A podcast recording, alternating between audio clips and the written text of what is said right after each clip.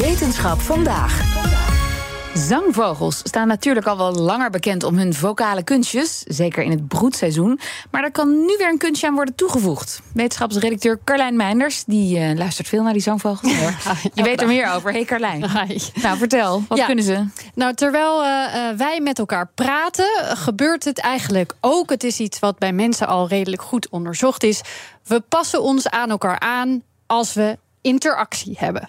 En niet alleen door bijvoorbeeld gezichtsuitdrukkingen te spiegelen, een beetje mhm. van houding te veranderen, nog veel onbewuster pupilgrootte aan te oh passen aan elkaar. Dat gebeurt ook allemaal. Maar ook door bijvoorbeeld de timing en toonhoogte van ons stemgeluid te veranderen.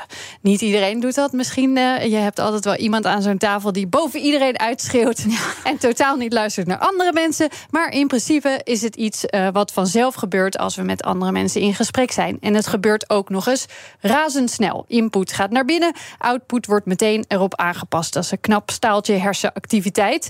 Ook andere dieren kunnen dat, maar die aanpassingen in toonhoogte, uh, dat was eigenlijk nog niet goed onderzocht bij dieren, meenden tenminste onderzoekers van het Max Planck Instituut en dus zijn ze gaan kijken naar zangvogels. Ja, en hadden ze dan een specifieke om te, reden om te kijken naar die zangvogels? Nou, wat we bijvoorbeeld al wisten, is dat zangvogels liedjes en zelfs spraak natuurlijk kunnen kopiëren heel goed. Dan denk je bij dat laatste waarschijnlijk meteen aan een papegaai. Ja. Uh, dat is wel terecht. Maar bijvoorbeeld de spreeuw, die kan er ook wat van.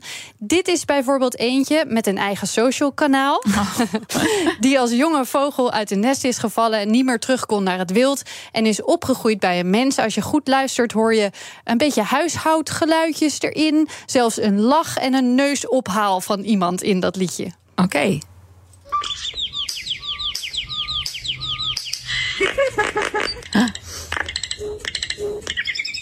Ja, nou, inderdaad, toch? inderdaad. Ik hoor dat een neemt hij gewoon allemaal mee in dat, uh, in dat liedje. Je moet, als je het leuk vindt, moet je het even opzoeken, want er staan nog veel meer. Moet je even zoeken op Sterling the Mouth. Oké. Uh, in ieder geval, vogels passen hun stemgeluid dus ook aan op de seizoenen of bijvoorbeeld op hun omgeving. Zo bleek al eens uit onderzoek dat roodborstjes in drukke stedelijke gebieden hun zang aanpassen. Het wordt meer ingetogen, maar ook dat vrouwtjes meer onder de indruk zijn van mannetjes die heel accuraat dezelfde noot kunnen herhalen. Maar dat er dan wel weer variatie in het liedje moet zitten, want anders raken de vrouwtjes verveeld. Uh, soms houden mannetjesvogels een zangduel, waarbij ze ook wel eens stukjes van elkaar op opzettelijk herhalen. En dit doen ze onder andere als iets uit hun eigen lied door een andere vogel wordt gezongen. Eigenlijk om een punt te maken en de vrouwtjes te laten weten: nee, je moet mij hebben, ik ben het origineel. en uh, waar waren de onderzoekers nu benieuwd naar? Als ze dit doen, dat kopiëren en herhalen, ze horen iets en herhalen het dan meteen. Hoe passen ze zich dan aan aan die input? Oké, en kijken ze daar naar alle zangvogels of één specifieke? Naar de nachtegaal. Een vogel met een repertoire van wel 150 tot 200 liedjes. Wist ik niet. Ja, uh, ze luisteren in het onderzoek naar zangduels tussen mannetjes tijdens, hun, uh, tijdens het broedseizoen in Duitsland. En uh, vonden dat ze heel flexibel de toonhoogte aan hun concurrentie konden aanpassen. Luister maar.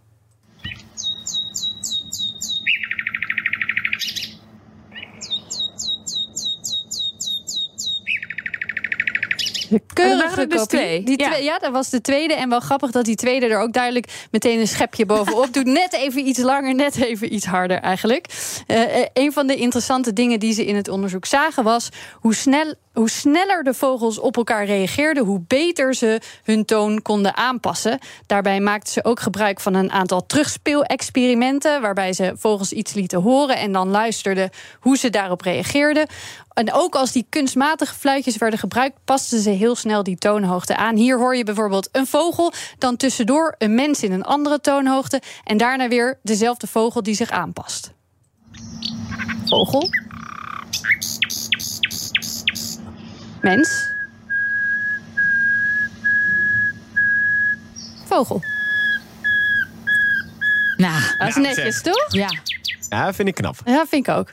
En ze gingen ook nog naar het overwintergebied van de vogels in Gambia... om te kijken of ze dit ook buiten het broedseizoen deden. Op momenten dat ze helemaal niet bezig waren met het imponeren van vrouwtjes. En dat bleek tot hun verrassing inderdaad zo te zijn. Al zou ik bij dit volgende voorbeeld als vogel toch denken... nou, die lukte net niet helemaal lekker.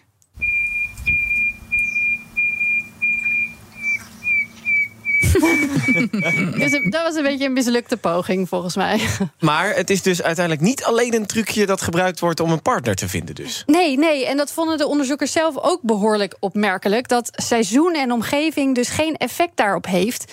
Uh, misschien dat ze het in dat geval vooral als uh, beschermer van het territorium inzetten. Mm -hmm. uh, maar om die redenen concluderen de onderzoekers voorzichtig dat de vogels een behoorlijk robuust hersencircuit moeten hebben om dit het hele jaar rond en ook supersnel in real time te kunnen. En dat er hele korte lijntjes moeten zijn naar het motorische gebied. Anders zouden ze dat echt niet zo snel kunnen doen. Hmm. En dat maakt het ook weer interessant om verder te onderzoeken. Want hoe vogels dit doen en welke hersengebieden ze daarvoor gebruiken, kan ook weer gelinkt worden aan hoe wij dat ooit zijn gaan doen. En ook een beetje aan hoe we dat nog steeds. Ja, ik moet denken aan uh, toen ik voor het Jeugdjournaal werkte. Interviewden we vaak kinderen van immigranten of asielzoekers, ja. vluchtelingen. En dan volgden we die en kwamen na een aantal maanden weer terug in het AZC bijvoorbeeld. En dan hadden die kinderen in Limburg gewoon een Limburgs accent. Ja, prachtig hè? Dat is echt zo grappig. Ja. Mooi fenomeen. Dankjewel, Carlijn Meinders. Een berichtje van Odido Business. Hoe groot je bedrijf ook is of wordt, bij Odido Business zijn we er voor je. Met unlimited data en bellen en met supersnel en stabiel zakelijk internet. Ook via glasvezel. Ontdek wat er allemaal kan op odido.nl/slash business. Het kan ook zo.